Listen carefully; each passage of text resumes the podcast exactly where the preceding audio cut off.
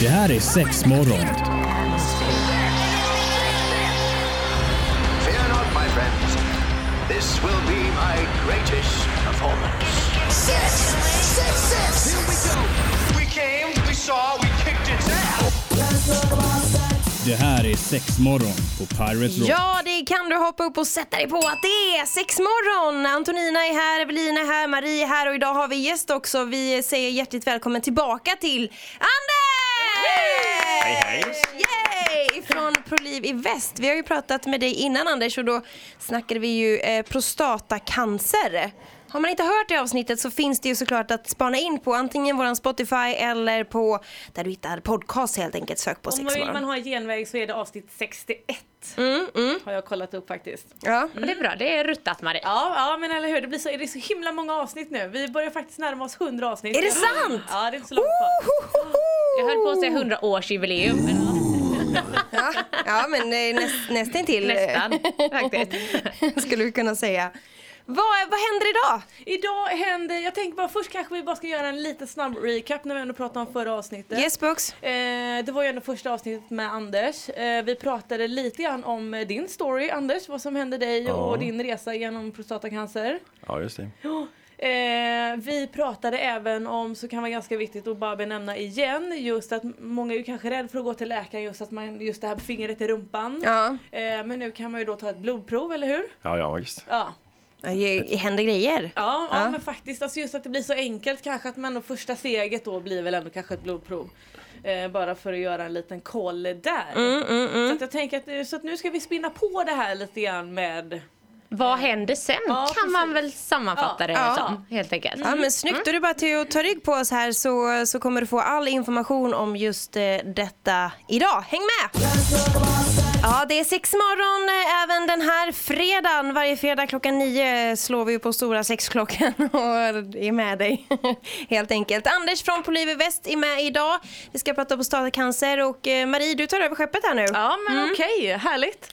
Eh, nej men jag tänker Anders, jag vet att vi pratade lite grann om innan här just att det faktiskt har hänt lite nya grejer.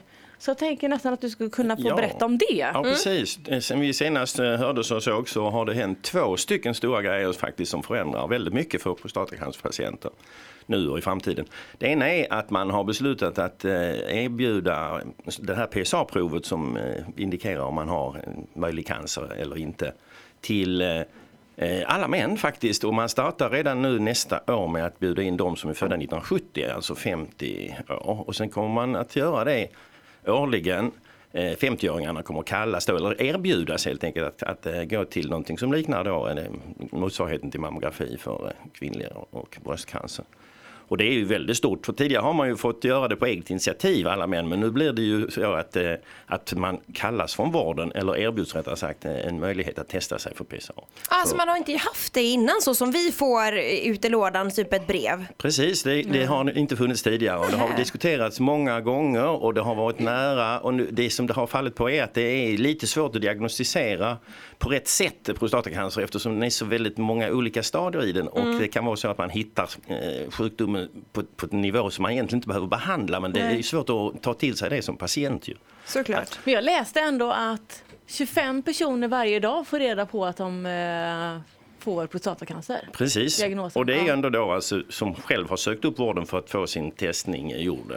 Nu blir det alltså framtiden eh, från och med nästa år att de, alla som män som eh, passerar 50 år eh, kommer att erbjudas möjligheter. Det kommer naturligtvis att höja både antalet PSA-provtagningar Mm, och även eh, ett antal cancerfall då.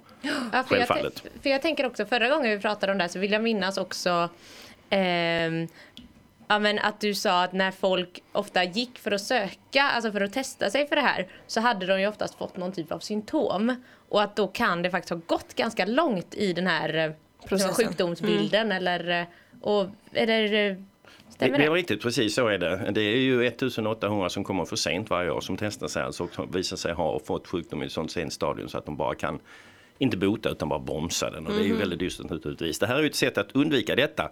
Nackdelen har då varit som jag sa nyss att, att man kanske hittar sådana som egentligen inte borde oroas eh, utan blir då det är lite onödigt att man säger ja det finns nog lite grann här i din prostata som vi ska ta en titt på. Men vi avvaktar och det är ju jättehemskt besked Mm. alltså. Man måste ta till sig det intellektuellt att förstå att ja okej, jag får lita på det. Men jag, jag tänker det här som vi pratade om att man ska pilla i rumpan när det nu då har blivit ett blodprov istället. Varför kan det ha tagit så himla lång tid att gå ifrån pill i rumpen till blodprov?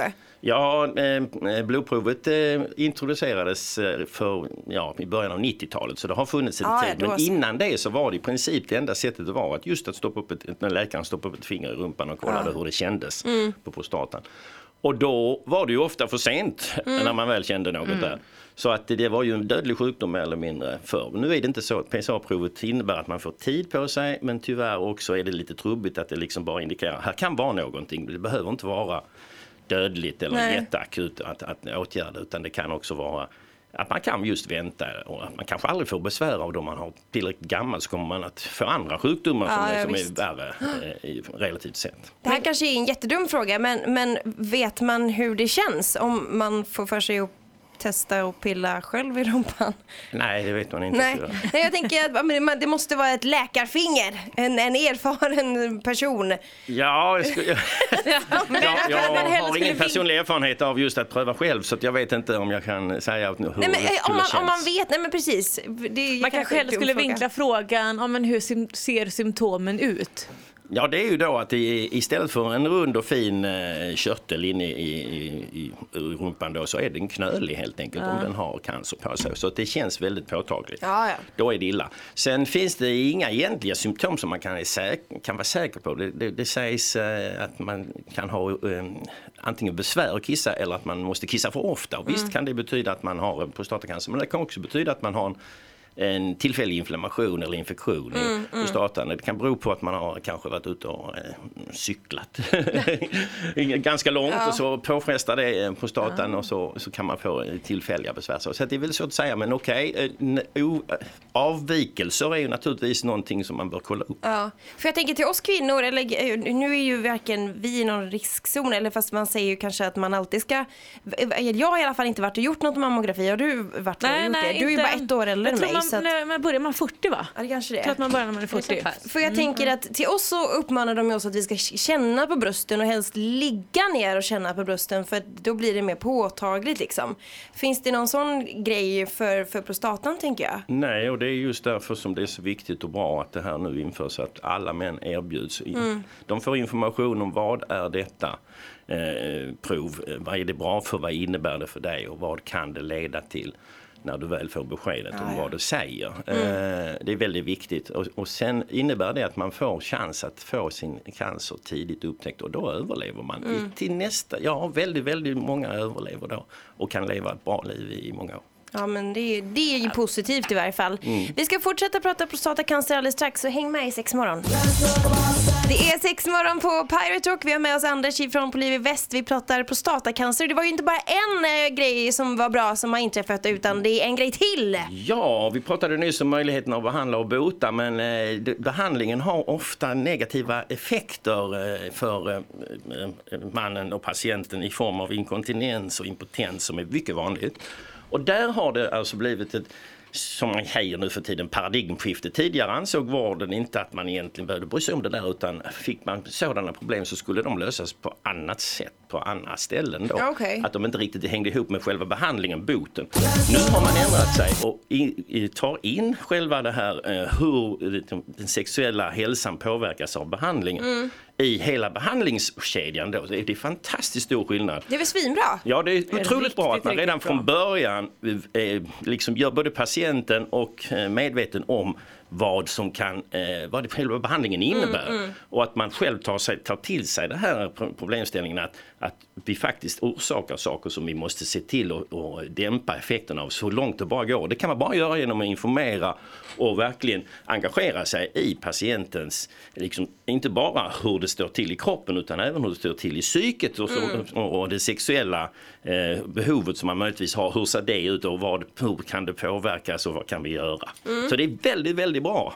Ja, men då, då sitter man ner och pratar eller går man igenom hur man själv mår bara eller? Ja, alltså att man gör patienten medveten redan före, i samband med PSA-provet skulle jag kunna säga. I varje fall i snar anslutning till det, att man tar upp det här vad det innebär provet när du väl får värdet och vi kanske måste gå vidare med behandling. Mm. Vad innebär då behandlingen bortsett från att vi naturligtvis försöker bota dig? Ja men typ att du kan bli inte så himla sugen längre och Exakt, saker. och hur, hur förhåller du dig till detta? Mm. du, hur förhåller du dig till risken att du får en, en eh, svårighet med erektionen som är större eller mindre? Vad betyder det för just dig? Hur Var ser det du på inte- det? Var det inte också lite grann att säga nu att man, om man nu blir steril kan man också bli va? Om det går tillräckligt långt? Ja, när man tar bort prostatan så blir man ju det och Ja. den kirurgiska Ja, det är klart. bot, Ja. behandlingen är just att man tar bort Och den. då var det väl kanske lite grann innan att man säger nu att man kanske är ung och kanske vill eh, spara spermier eller någonting att det också Mm. finns på kartan. Exakt, för att tidigare har det varit så att att har patienten någonting och, och besvär eller efteråt så, ta, så talar de väl om det då ungefär. Va? Men Ja. det är så dags när man liksom upptäckt plötsligt att man inte kan få utlösning, att man inte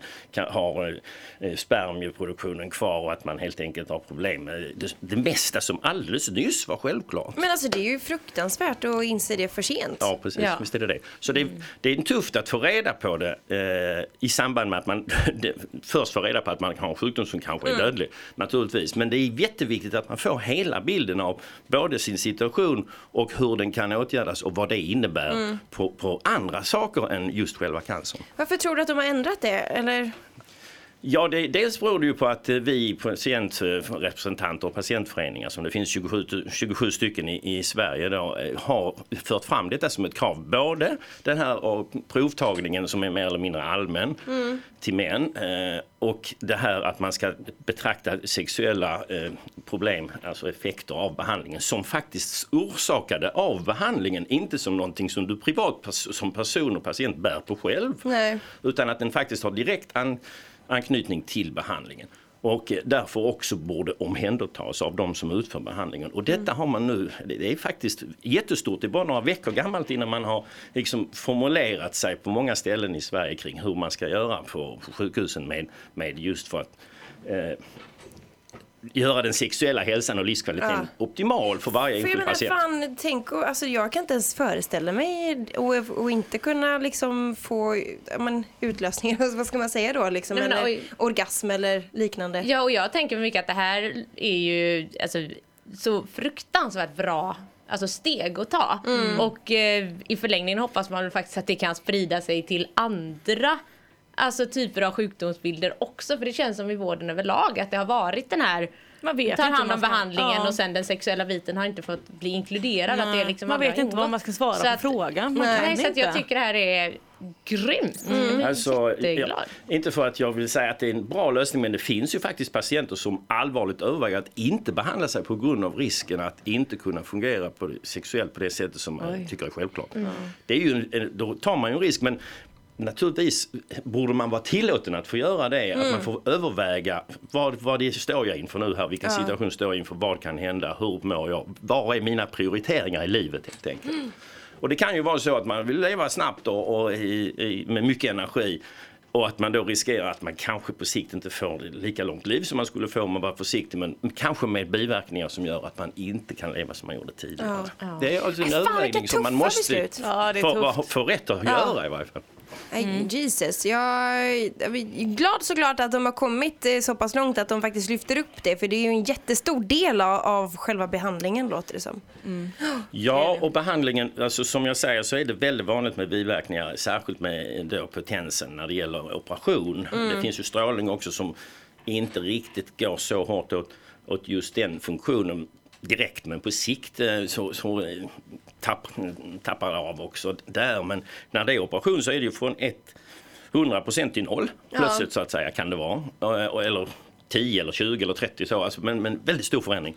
Och eh, då ska man ju veta som patient att det finns faktiskt hjälpmedel som, som man kan ta till sig. Och det är inte för att det, liksom det är det första man tänker på, så, så därför är det ju viktigt att vården sätter in det i ett sammanhang också, att det, det, finns tabletter och eh, hjälper inte det så finns det eh, sprutor, det finns pumpar, det finns till och med operationer även om det är väldigt långt gånget då. Jo, men man ska ändå veta att eh, möjligheten finns där. Vi är alldeles strax tillbaka och pratar ännu mer med Anders, så häng med oss i Sexmorgon. Det är sex morgon på Pirate Rock och den här morgonen så gästas vi utav Anders ifrån Proliv i Väst. Och jag är här, Evelina är här, Marie är här och så Anders då såklart. Såklart. Ja, och, Hello. eh, ja, och Anders, jag har ju faktiskt eh, vid ett tidigare tillfälle eh, fått höra en historia av dig som jag tycker är alltså, jäkligt eh, talande och lite så jag undrar, eh, kan du prata om det? det är om erektionssprutor. Ja, precis. Det kan jag göra. Eh, erektionen är ju den som, eh, jag får ta en lite bakgrund där då, erektionen är ju den som drabbas, eh, ja, praktiskt taget eh, 75 procent av fallen då som, som opereras. Och då finns det ju när väl tabletter inte hjälper, för det gör det inte alltid om man inte har lite grann i varje fall hyfsat då erektion, eh, förmåga. Så finns det då pumpar och det finns sprutor. Och att spruta, alltså det är en injektionsspruta och det är tank, bara tanken på det är ju gräslig. Eh, egentligen, att sticka sig själv med en Tänk det här spruta. lilla paketet, Penis. ska man dra i en spruta Ja. i den? Ja Här? visst alltså. Men vadå, är det i penis? Ja. Jajamän. Ja. Är det sant? Ja. Åh fy fan. Ja, ja alltså tanken är gräslig och sen så kan man då eh, när man väl har vant sig att, eh, att okej, jag får tänka mig detta så ska man genomföra det också. Och, och det är ju rätt så knepigt alltså för man vet ju inte riktigt hur, hur det ska kännas. Nej, Hur långt ska du trycka hur det- nålen? Hur, hur ska det egentligen göra det här? Ja, och inte du spruträdd också Anders? Jo visst, jag är fruktansvärt fruktansvärt. Så att eh, jag gjorde något blygsamt försök i början men det, det var så hemskt att jag la av med det i flera år faktiskt. Vad gör man? Man blundar och försöker Eller sikta. hur? Jag tänkte samma sak. Sätter Det den i det, när man istället. tittar väldigt noga faktiskt. De är ungefär lika stora. Ja, herregud. Men, men sen när jag väl då eh, tyckte, nej men vad fan, nu får jag skärpa mig här och ändå pröva detta. För att det, det, det är ju så att eh, det är ju eh, faktiskt en åtgärd, tyvärr en åtgärd, det är ju inte så mycket en intim handling som faktiskt en åtgärd. Men det får man acceptera. Eh, att den, den åtgärden och, och har effekt, det fungerar faktiskt i, i många fall. I väldigt många fall är det det enda som fungerar. Eh, Då är det så problematiskt att det finns två olika eh, styrkor och för vardera styrkan så finns det fyra olika nivåer.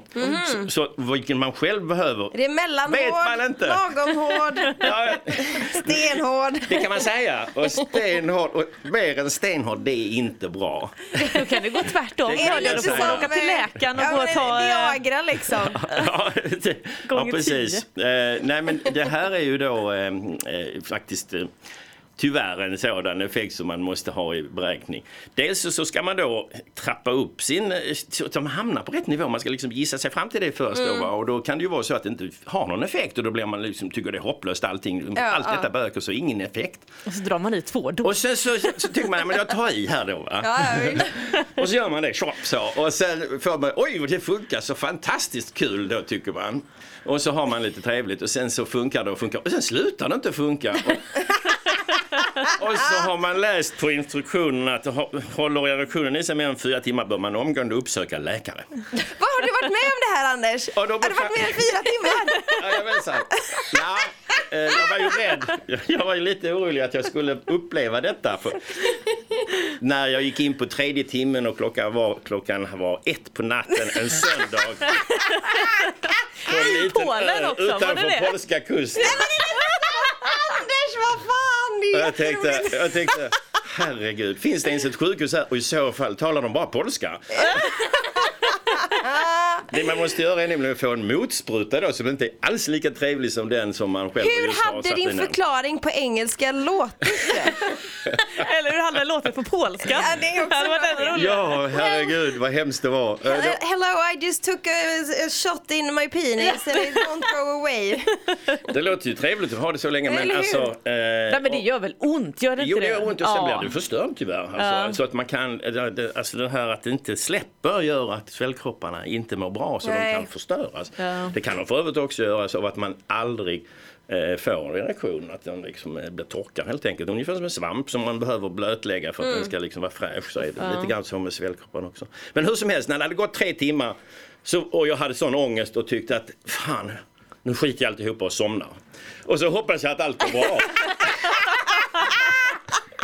och det gjorde det. Är det sant? Ja, det var jättekul. Så när jag vaknade på morgonen då kände jag att ja, den är kvar. Man lyfter på täcket. Ja, Eller hur? Ja. Täcket står Nej, inte upp själv längre liksom. Men vad- vad gör man under de här timmarna? Ja, man svettas. Jag tänker så här, Ja. så här, försöker Man få tänker inte på sex kan jag säga. Utan När man tänker inser på att en kalldusch inte räcker. Ja, herregud. Allt som kan göra dig avtänd liksom. Ja, he- ja, man försöker i kallt vatten så bänder man lite grann. Ah. Åh, så hemskt. Och sen när man berättar om detta för andra eh, kollegor då, så har de ju liknande historier då. Hur de Ja, ja. liksom har åkt i ilfart till något landsortssjukhus någonstans under semestern. och då har man också fått den här hemska sprutan och gråtit så ont och gjort och sådär. Så att det är ett- problemkomplex verkligen detta att hålla sig i form. Men fan vad gött så. att det funkar ändå. Ja, visst är det det. Va? Och det är ju jättebra också att, att vården nu accepterar att detta måste eh, föras in som, som en, liksom en naturlig del av vad man pratar om när, Såklart. när man behandlar för prostatacancer. Och lära sig också, kanske gå någon liten kurs i hur man då helt enkelt ska ta den här sprutan också. Typ. Man kan aldrig veta för mycket där. Sex morgon, välkommen hit ska du vara till oss. Vi gästas av Anders idag ifrån Plivi Väst och vi har pratat lite om eh, hjälpmedel som finns för att få stånd helt enkelt. Eh, Du snackade om sprutor här för en liten stund sedan eh, Anders. Vad finns det mer för hjälpmedel än sprutor? Ja, sprutor är liksom sista stationen på något sätt. Och det finns ju ett antal andra stationer innan det. Och till exempel så har du ju erektionspumpen som för många fungerar väldigt bra. Och en kollega till mig han, han utvecklar egna sådana, väldigt roligt. Med, Ja, ut, eh, ja, vadå? Och jag fick Ja, se en sån. De är Vällingflaskor och Ja. eh, diskmedelssprutor. och- Ja, jag, jag var på en eh, liten föreläsning kan man säga där han eh, just pratade mycket om penispumpar och det var ju något av det bästa jag hört. För att han så här också inleder lite blygsamt med att så här, jag är ju ingenjör i botten. och då, eh, vad var det? Han hade gjort något med så, någon vällingflaska och en tvålpump. Alltså där. Så att absolut, är man ambitiös så kan man få det att funka. Ja. Eh, Men annars kan man ju bara gå till butiken Ja, och köpa för hur? 200 spänn. och om man, inte är ingenjör. Eller om man hade för mycket tid liksom. Jag ska skapa Ja. en egen jag kommer även att tänka på, alltså just en, en eh, pump har ju faktiskt lite svårare att fördela trycket. Det blir inte alltid riktigt jämnt. eh, och vi- jag tror att vi har nämnt det någon gång innan att det finns de här Batmate. Eh, där man använder med vatten, lite Ja, ljummet vatten som man då lägger i den här pumpen kan vi säga. Den ser ut på ett speciellt sätt. Eh, och där fördelar man faktiskt eh, trycket lite bättre vilket jag tror att man då får ett bättre resultat. Så det kan faktiskt vara lite bra att, att veta. Har du testat olika pumpar Anders? Ja, jag tycker att det kändes lite jobbigt då när man är en liten blygsam person. Då det här stora röret som plötsligt skulle då dingla mellan benen på en. Det kändes lite så, väldigt skumt faktiskt. Ja, jag kan inte förstå så lite, det. utan väldigt skumt. Eh, så att det, det var väl inte heller någonting som jag jublade över då inledningsvis. Eh, Det kan jag inte säga. Eh, alltså det, det känns ju som konstiga åtgärder. När man, inte, när man aldrig någonsin har funderat på det tidigare så skulle man, här, varsågod, detta är vad du har att välja på. Jösses, liksom sprutor och pumpar och stora rör och grejer. Va? Så att ja, mm, eh, jag har också hört att, jag vet inte om det stämmer, att det blir lite, eftersom det inte är naturlig blodflöde där så blir det lite kallare. Penisen blir lite svalare om man säger så, Ah, den blir inte så het. Nej. Stämmer det? Ja, det blir Nej, inte det vet jag naturligt typ då inte. helt Det blir inte enkelt. riktigt så. Nej.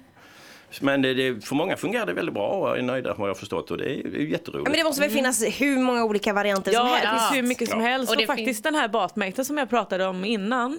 Eh, den är ju receptbelagd i, vad det är, England? och Italien. Italien kanske? Ja. Japp. Eh, Så så, att- att den har ju faktiskt ändå gjort lite underverk på det hela. Så att, eh, Ja, men bra precis. grejer. Och nu det senaste, eh, om man kollar så har det ju kommit också väldigt mycket mer alltså just automatiska pumpar Ja. också. Att man Eh, sitter och pumpar Ja, själv? du, du trycker på en knapp och så, vuu, så löser den det själv så man Ah. slipper sitta och manuellt pumpa. För det Vissa kan kan ont i händer. Och, det är som en eh, vad heter det, luftkompressor. Ja, skulle man väl kunna. kan, ja, inte riktigt lika osexigt som en sån. ja men Gå precis. ut i garaget och dra igång kompressorn. Och så låter det såhär. De är lite smidigare så men. Men hur... Men det finns också, eh, faktiskt på senare tid har det kommit en, en liten kräm som man, man injicerar fast utan nål då, med en liten plastspruta bara som faktiskt också fungerar eh, överraskande man i bra. den urinröret Ja, då får då, man stoppa ner i det och så. att säga. Ja, okej. Ja, det har jag inte hört talas om. Eh, Alltså, och det det, det är lite, lite kortare kanske eh, varaktighet på de eh, åtgärderna men, den men var bra ny. ändå. Alltså. Så mycket grejer man ska sticka i krigan. Ja. Ja men det är ju halvläskigt. Det behöver inte, sådana Ja. åtgärder behöver inte vi göra när det kommer till brösten. Typ att vi ska sticka. De hänger ju där där de hänger liksom.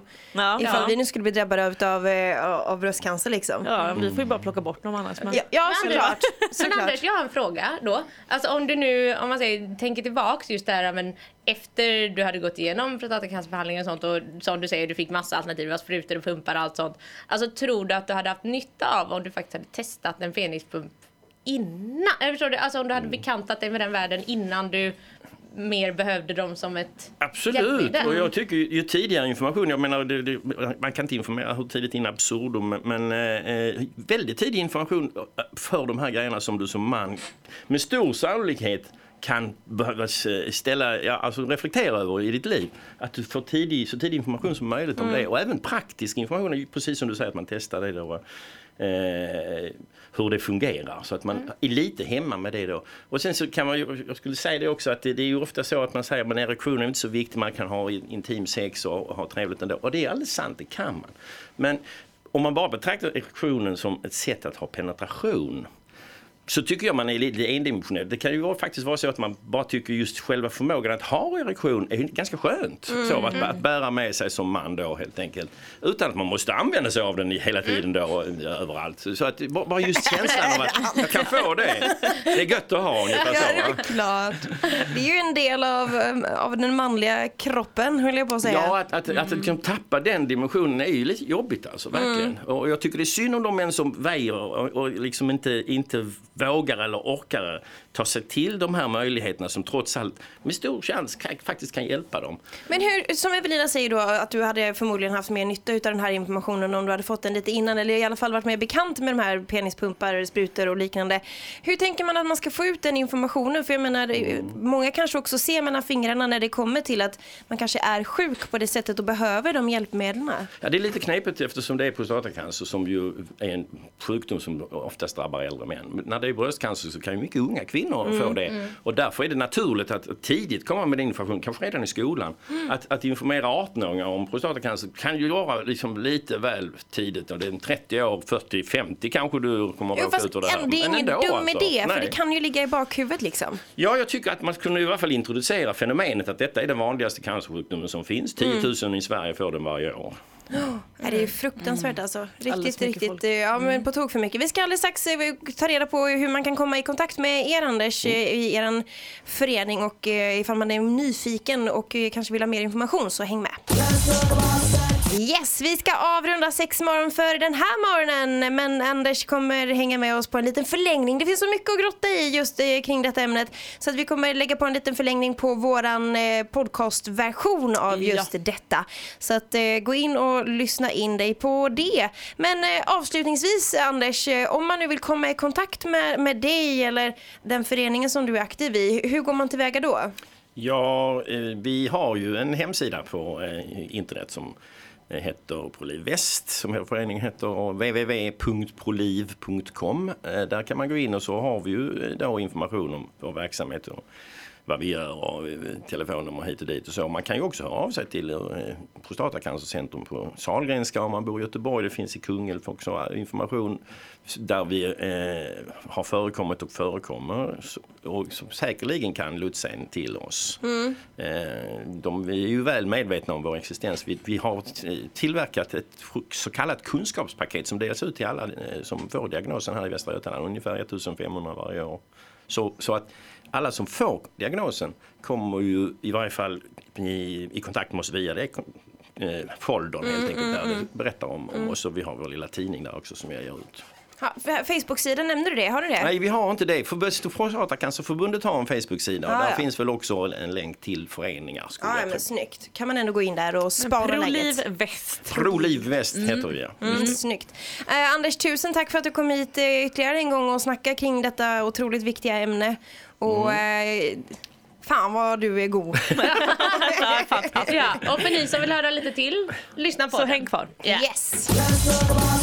Yes, eh, en liten extra förlängning här då i våran podd. För dig som eh, lyssnade på radion så körde vi ju eh, en, en liten session med Anders ifrån Polivväst. Och nu fortsätter vi lite extra för att det finns ju så himla mycket ämnen som vi inte hann med under våran programtid. Så att vi, vi klämmer in det här helt enkelt på podden. Och vi pratade ju just det här kring att vara intim och så Anders. Och eh, du berättade att det inte alltid behövs ett stånd för att det ska hända grejer utan man kan göra andra grejer sexuellt också.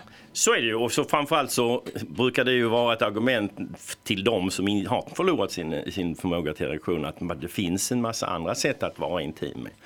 Och det kan ju vara både tröst och lite nedslående att, att, det, att det liksom har reducerats till andra sätt. Men just, eh, jag tycker ändå att de som har, eh, mm, har problem med erektionen då, eh, till exempel efter en eh, genomgripande operation som prostatacancer, ska anstränga sig lite och se om det inte finns alternativ till dem om de tycker att eh, erektionen är ger någonting extra krydda i tillvaron.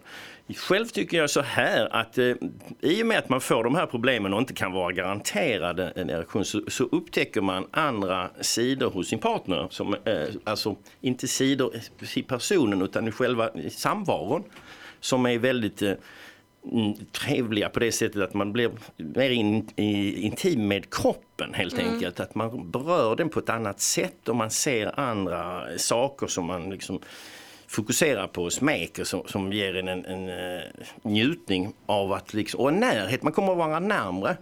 Det är, det är en schablon men det, att det stämmer faktiskt. Och det är också så att även om man inte har 100% eller ens eh, 10% erektion så kan man ju faktiskt bidra till att, att eh, partnern får eh, en mycket eh, angenäm stund då, ifrån, och även orgasm. Och eh, det är ju inte samma upplevelse men det är en annan fantastisk upplevelse att vara med om. Och det är väl också ja. jätteviktigt alltså att partnern får Ja. den närheten också. Och så var det väl ändå just att det finns ju det här, just det här med beröringen, det, att det finns det här må bra-ämnet i kroppen som Och- producerar. oxytocin. Ja, men Ja. precis. Ja, den får man ju själv. Man, man ger till Ja. den man berör och man får den själv också. Eh, och, eh, eh, vad jag skulle säga att eh, jag, jag tycker ändå att man blir mer bekväm med sin egen kropp konstigt nog. Eh, Paradoxalt nog alltså, så, så eh, tycker jag om att eh, gå i badbyxor hemma bara. Inga, liksom, ju färre kläder man har på sig desto mer naturlig känner man sig. Och Det kanske är liksom ett kompensations... Eh, reflex, jag vet inte men eh, det känns bekvämt helt enkelt. Jag har till och med kunnat överväga att gå på ett nakenbad vilket jag aldrig någonsin skulle ha fått för mig tidigare i livet. Alltså att, att den här eh, avspända, eh, liksom, ja, this is what, Ja. what, you, you, what you see is what you get. På något sätt, så, va? Att, att eh, mer än så här är det inte. Och det är ju fantastiskt, tycker jag. Att det, är liksom en smygande välbehagskänsla som man paradoxalt nog kan få mitt i allt de här ganska dystra omständigheterna. Men det blir ju att du lär känna din kropp på ett helt annat Ja. plan. Men skulle du säga att det finns många som inte kommer till den punkten där du är? Om man säger så. Att tyvärr det, tror jag att det är så, ja. Precis, att man väjer för de här konstiga åtgärderna som liksom känns onaturliga. Och, och kan inte se kopplingen till sitt eget välbefinnande genom att försöka ta sig an dem. ja. Och där blir man väl också kanske lite vågig, men det finns ju då en partner med som Mm. också då ska kunna ta del av det här. Och jag tänker att kommunikation är väl också ganska viktigt så att det inte är att partnern kanske vill vara kramig och beröring och vill hitta andra grejer och så vill man slå bak en tanke.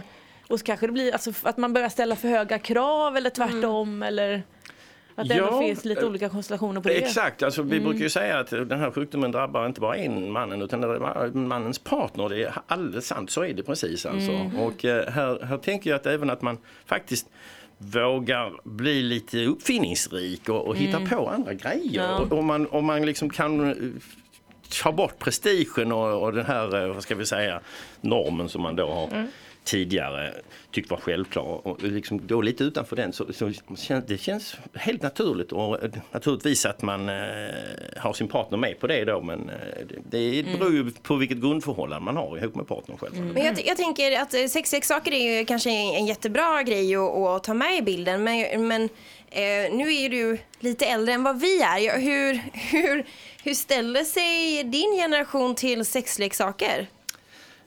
Ja, det är ju inget jag har diskuterat så mycket med, med min generation. Eh, det, det här är ju ingenting man liksom sådär, apropå inget särskilt berättar om utan det är ju när man, när man är ute och, och just i det här ärendet så kan man ta upp vad som helst som har med sjukdom att göra. Så att Jag kan väl inte säga att jag, jag tycker att det är något egentligen behov av det utan jag tror att, att, eh, att själv, det största behovet är nog att våga själv eh, liksom göra de här beröringarna och, och eh, olika ska vi säga, för, förhållningssätten som man har till samvaro. Nu gör vi detta tillsammans så ska vi göra det på något annat sätt. Så att man liksom lämnar förtroende till varandra, inte till någon, ett hjälpmedel som kan vara en krydda. Mm. Men då tror jag att man måste ha hittat basen först för, för vad som egentligen är Såklart. samvaron. Innan, Absolut. innan man tar till hjälpmedlen. För då, jag tror inte de kan lösa det egentligen. Eller det vet jag inte. Men Nej men jo men där, där säger du något jäkligt sant. Alltså just det, men jag håller med. För det, det är ju, vi har ju pratat om det också att sexleksaker är ju mer en krydd. Ja men precis, det är inte Ja, att man och du att- replacear någon liksom. Nej, nej, exakt, nej. exakt. Alltså, Utan det- du, du kryddar det, det du redan har. Ja, exakt. Ibland vill man ha extra, Ja, men extra hur? sås på Men, pizzan. men det jag menar är att man, man faktiskt kanske har mer än man tror. Att det är det som är det, grejen med att liksom våga testa. Att, man ser att oj, jag hade mer än jag trodde. Eller som jag har använt tidigare mig av så att säga i de här relationsögonblicken. Men just som vi har pratat, vi har pratat om eh, vad heter det, er- erogena zoner innan va? Alltså att där kanske man då helt enkelt ska våga kliva dit och, och testa på olika sexvarianter eller ska man För säga? det tror jag är ganska Till outforskat kanske- på oss alla. Ja, gud Man är ja. så himla fokuserad på det penetrerande och den här biten men det finns så mycket mer. Och jag tror verkligen alltså lite massage, lite beröring, lite oljor, alltså släckt ner ett ljus, alltså på med kanske en ögonbindel så att man börjar använda andas, andra sinnen Ja. och sådär. Eh, tror jag är jätteviktigt. Egentligen för oss alla och inte bara Nej, nej, nej, absolut. Ja. Och jag tänker, alltså jag vet att vi har pratat om tantrasex och sånt innan, Ja. men det kanske till och med hade kunnat vara någonting Ja. Anders. Oj, oj, just oj. lite mindfulness. Oj, oj, oj. Nu utanför Polens kust då. Med dina sprutor och sådär. Var det något mer vi tänkte att vi ville kräma ur Anders här innan vi får släppa Ja. iväg honom? Ja, Anders, vad- är det något du tänker på som du vill lyfta som, som vi inte har berört idag? Eh, ja, det- jag, jag är lite nyfiken på hur ni ser på det här med erektion. Hur, vad, vad, vad, står det för, så att säga, för er? Ja, alltså... Um, och gud, det här kommer ju låta så hemskt men eh, jag tycker att erektionen oftast är ganska överskattad. Fast du gillar ju också det motsatta könet. Ja, jag Alltså, föredrar du- det du gillar ju till tjejer ganska många lite mer. procent i alla fall. Ja. Eh, nej, men, nej men jag kan väl bara, ja, men lite det som du också varit och touchat på, det jag försöker säga är väl jag tycker det är tråkigt när man tänker på sex och automatiskt är det en penis i en vagina som är liksom det som alla förutsätter. Att det är standard. Ja men exakt. Och det tycker jag är jäkligt tråkigt eftersom precis det vi var inne på att det finns så jäkla mycket bredare grejer. Och då Ja. tror jag att folk ofta glömmer bort det just eftersom erektionen är så pass liksom, det är den som ska funka. Och jag tänker åt det andra hållet också då att det måste vara så fruktansvärt jobbigt eh, ja men just att ha den pressen på sig att jag ska få erektion, den ska stå i jättelänge tills min partner kommer av endast min penis Ja. och inget annat. Alltså, Ja. här, jag, Ja. jag tänker att det, det blir inte bra åt något håll. Nej. Så det är därför jag tycker att eh, erektionen i sig kan vara ganska problematisk. Ja. Om man lägger för mycket press och värderingar i den. Förstår ni hur jag tänker då? Ja, Ja, gud ja, ja. jag är helt med dig. Men jag, jag tror för min del så, så eh, kan jag bara säga att jag tycker att den har betydelse just nu i varje fall. Alltså, vi har ju inte utforskat egentligen eh, det här som, som du pratar om, alltså det här intima på det sättet att man hittar zoner utan här, pang på rödbetan är det som gäller här än så länge. Eh, så, att, så att jag tänker att jag hade nog velat komma dit att man faktiskt vågar göra lite andra grejer än att bara köra standardsexet liksom. Det känner jag i varje fall men, Ja, eh, men då ska man alltså, få med sin partner på det också. Ja, jag Mm. försökte vara så himla pedagogisk här när man sitter och eh, när man ändå har den här rollen. Men jag får nog säga att jag är lite likadan. Ja. Eh, men alltså absolut, jag har ju ändå kanske försökt men känner att man gör det inte riktigt helhjärtat utan man faller alltid tillbaka lite till det gamla och sådär och man har inte pressen på sig till att hitta andra vägar. Nu Nej, utan än kanske- så länge funkar det, Ja, det vanliga så att säga. Ja, lite sen kan jag väl kanske säga att jag har fokuserat på andra grejer och kunna utveckla en, just som vi nämnde, erogena zoner eller någonting. Mm. Ehm, så att det är väl lite så här, kanske lite olika faser i livet. Alltså, nej, jag är ju inte sam- på samma ställe där jag var för fem år sedan Nej. eller nu. Eh, så jag får väl ändå säga för varje år som går så kanske jag vidgar mina vyer även om det är småsteg. Mm. Fast det, det ligger väldigt mycket i det du säger. Jag känner själv att jag jag har utvecklats jättemycket jättemycket Ja. på bara alltså, typ tio år. Det är ju från att vara en pinne liksom.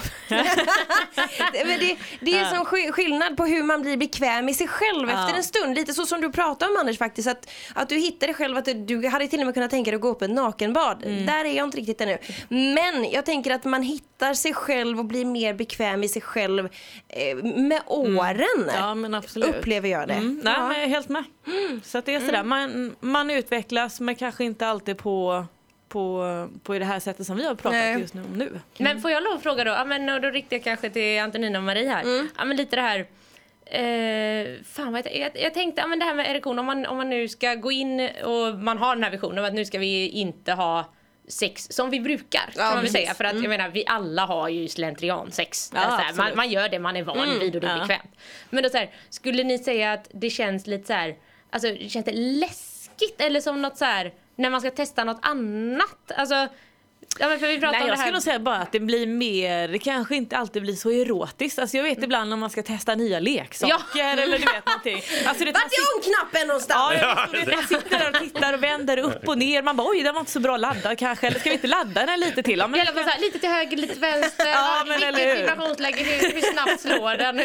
Eh, och ibland så blir det, antingen har man ju dömt ut någonting eller tycker man att fan jag ger den en chans till. Mm. Och jag tänker att så är det väl kanske med det mesta vare sig man ska hitta eller det är någon ny, alltså, nytt ställe eller ny ställning. Alltså, Mm. alltså det är ben och det är armar, alltså allt vad det nu kan vara som hamnar på lite fel ställe. Ja, jag så kan nog bara hålla med dig man så faktiskt. kanske man bara, nej men okej vi, vi ger upp nu. Det, det kommer inte hända så mycket mer än vara kul, high five och så är Mm. det bra sen. Jag tror också man måste smyga sig på det om man ska Ja. testa nya saker. Alltså man kan inte där då köra pang på rödbetan utan man Nej. får smyga sig in i det. Och så kanske man testar och så läser man på lite och så testar man igen. Alltså det är de här små stegen hela tiden. Därför jag ändå känner att men jag är inte riktigt där jag var för Nej. fem år sedan. Alltså det händer jättemycket. Ja.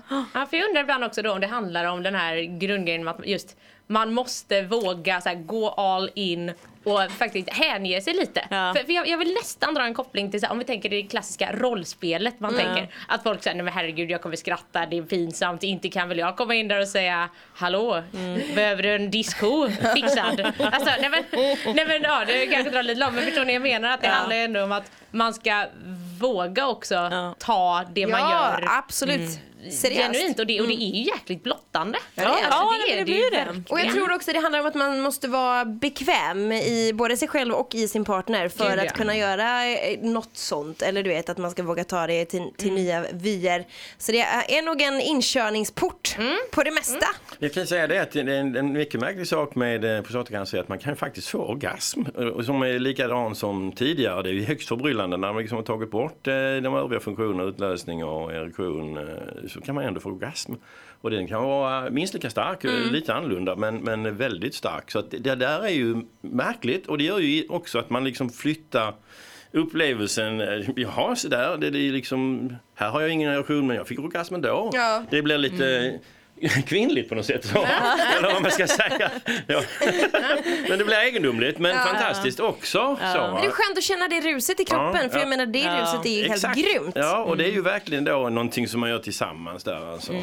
Och eh, sen, eh, vad skulle jag säga också, det glömde jag bort nu bara för det. Ehm, Du tänker för mycket på orgasm. Ja, det. Ja. Det det.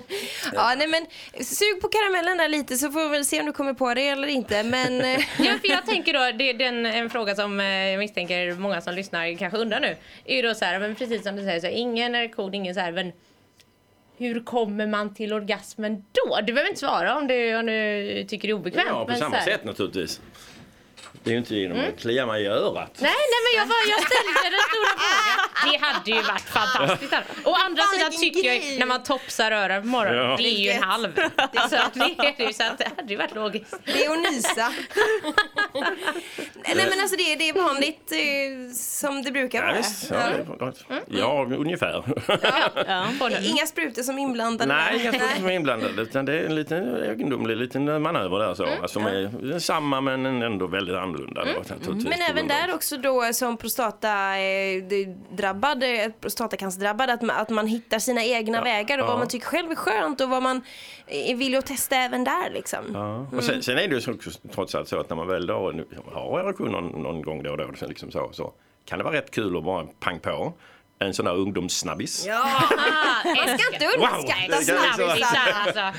En kort intensiv som båda svettas av. Så det är väldigt trevligt.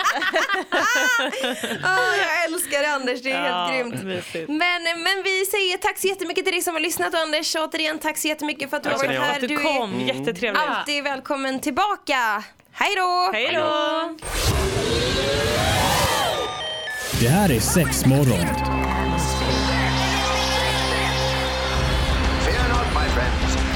This will be my greatest performance. Six, six, six! Here we go! We came, we saw, we kicked it